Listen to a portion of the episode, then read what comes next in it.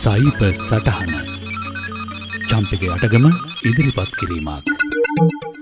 දෙදස් දහය වස්රේ ජුනි මාසේ ඉරානයෙන් ඥෂ්ටික බලාගාරවලට අභිරහස් ප්‍රහාරමාලාවක් එල්ල වුණා. ඥෂ්ටික ප්‍රතික්‍රියකවලට අවශ්‍ය යුරේනියම් පිරිපහදු කරන සෙන්ටිෆියජස් කියන විශේෂ උපකරන දහස් කනනින් එකනක බිද වැටෙන්නට ගත්තා. මේ ප්‍රහාරත් එක්ක ඉරානයට තමන්ගේ ඥෂ්ටික වැඩස්ටහන් තාවකාලිකව අකුල ගන්නස් සිද්ධ වුණා.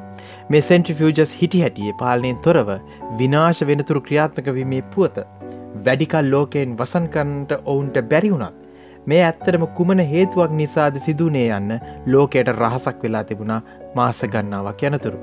සයිබ ආරක්ෂණ ප්‍රජාව මවිත කරමින් මේ විනාශි පිටු පස තිබුණේ. එතෙක් මෙතෙක් ලොවනොදුටු භයානකම වෛරසයක් බවට ටිකෙන් ටික කරුණු හෙළිවුණා. සාමාන්‍ය වෛරසයක තිබෙන කෝඩ් ප්‍රමාණය වගේ විසි ගුණයක් විතර තිබුණත් ඒ ඉතා සූක්ෂම්ව ඒ වෙන විටත් හෙළිව නොතිබූ වින්ඩෝස් පරිගණක පද්ධතිය සිදුරු අපි කියන්නේ සීරෝඩේ වල්නරබිලිටිස් කිහිපයක්ම යොදා ගනිමින් පරිගණක පද්ධති හරහා රිංගාගේ ආරක්ෂක පද්ධතිවලට කිසිම ලෙසකින් හසු නොවී මේ පරිගණක පනුවගේ නම ටක්ස්නෙට් STUXNET එලෝ ප්‍රථම ඩිජිටල් ආයුද එහමනත්නම් ඩිජිටල් වෙපන් ලෙසත් හඳුන්වා දෙනවා. මොකද පරිගණක වැඩස්ටානක් පමණක් යොදාගෙන සතුරු කඳවරක පද්ධති අකර්මණ්‍ය කිරීමක් මිස්සක විනාශ කිරීමක් මින් පෙරාප නොදැක තිබූ නිසාවෙන්. කොහොමද මේ පරිගණක වෛරසය මෙතරම් විනාශයක් සිදු කළේ.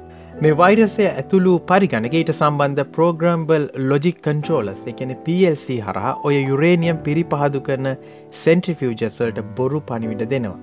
සෙන්ට්‍රිෆියජ එකක් කරන්නේ. යුරේනියම් නිදිවලින් ගන්න කනිජ අධික වේගෙන් කරකවලා ඥෂ්ටික බලය නිපදවන්න පුළුවන් සියට එකක් විතර වෙන U235 කියන අයිසටෝප් එක වෙන් කරගන්න එක.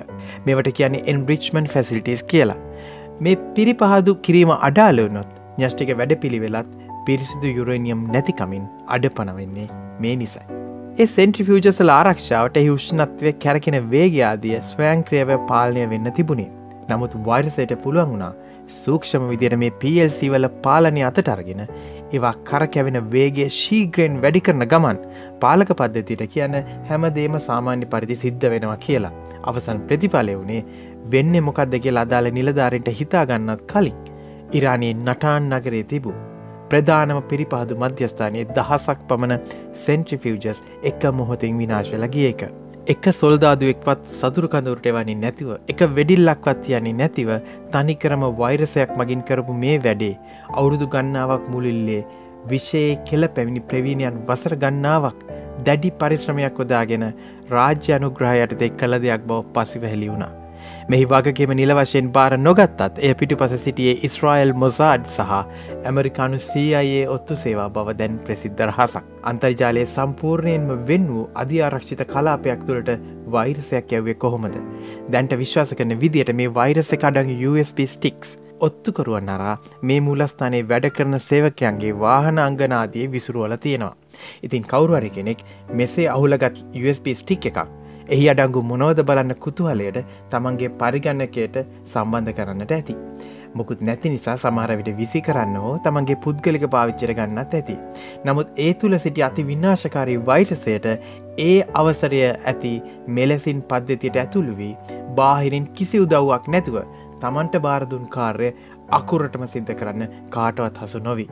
මේ ප්‍රහාරත් එක්කම ඉරානය තමන්ගේ හොඳම හැකස් ලැකතු කරලා ඉරාන් රෙවලියෂනරි ගාඩ් කියන ලොව දෙවන විශාලතම සයිබ හමුදාව නිර්මාණය කරනවා. ඒ විසින් ඇමරිකාඩ් විරුද්ධව දැවන්ත සයිබ ප්‍රහාර කිහිපයක් මෙල්ල කරනවා. ඔය අතරේ ඉස්රායිලය ඇමරිකාව අවසරයකින් තොරව මෙම වෛරස් වැඩසටහන වෙනස් කරල අන්තර්ජාලට මුදාහැරීමත් සමගම ලොව පුරා හැකස්ලට අවස්ථාව ලැබෙනවා එය රීඩිසයින් කර පාවිච්චි කරන්නට. ඒ නිසා මේ වෛරසය රටවල් බොහෝ ගන්නක දැන් දක්නට ලැබෙනවා ඇමරිකාව පව ඇතුළු. මින් වැඩිම අවධානම තිබෙන්නේ විදුලි උත්පාදක මධ්‍යස්ථාන තෙල් පිරි පහදු මධ්‍යස්ථාන ට්‍රැෆික් ආලෝක පාලන පද්ධති වගේ ඉතා විශාලෙස ජනජීවිත අඩාල කරන්න පුළුවන් මර්මස්ථානවලට. සීතල යුත්තය අවසන් වෙල ගොඩක් කල් නමුත් අන්තර්ජාලයේ මතු පිට නිසල වුනත් ඒ ගැඹුරේ මේ වන විට බලවත් රටවල් අතරේ සයිබ යුද්ධයක් යන බව දන්නේ එය කෙතරම් දරුණුද කියලා දන්නේ මේ ශේත්‍රයින්නයි විතරයි.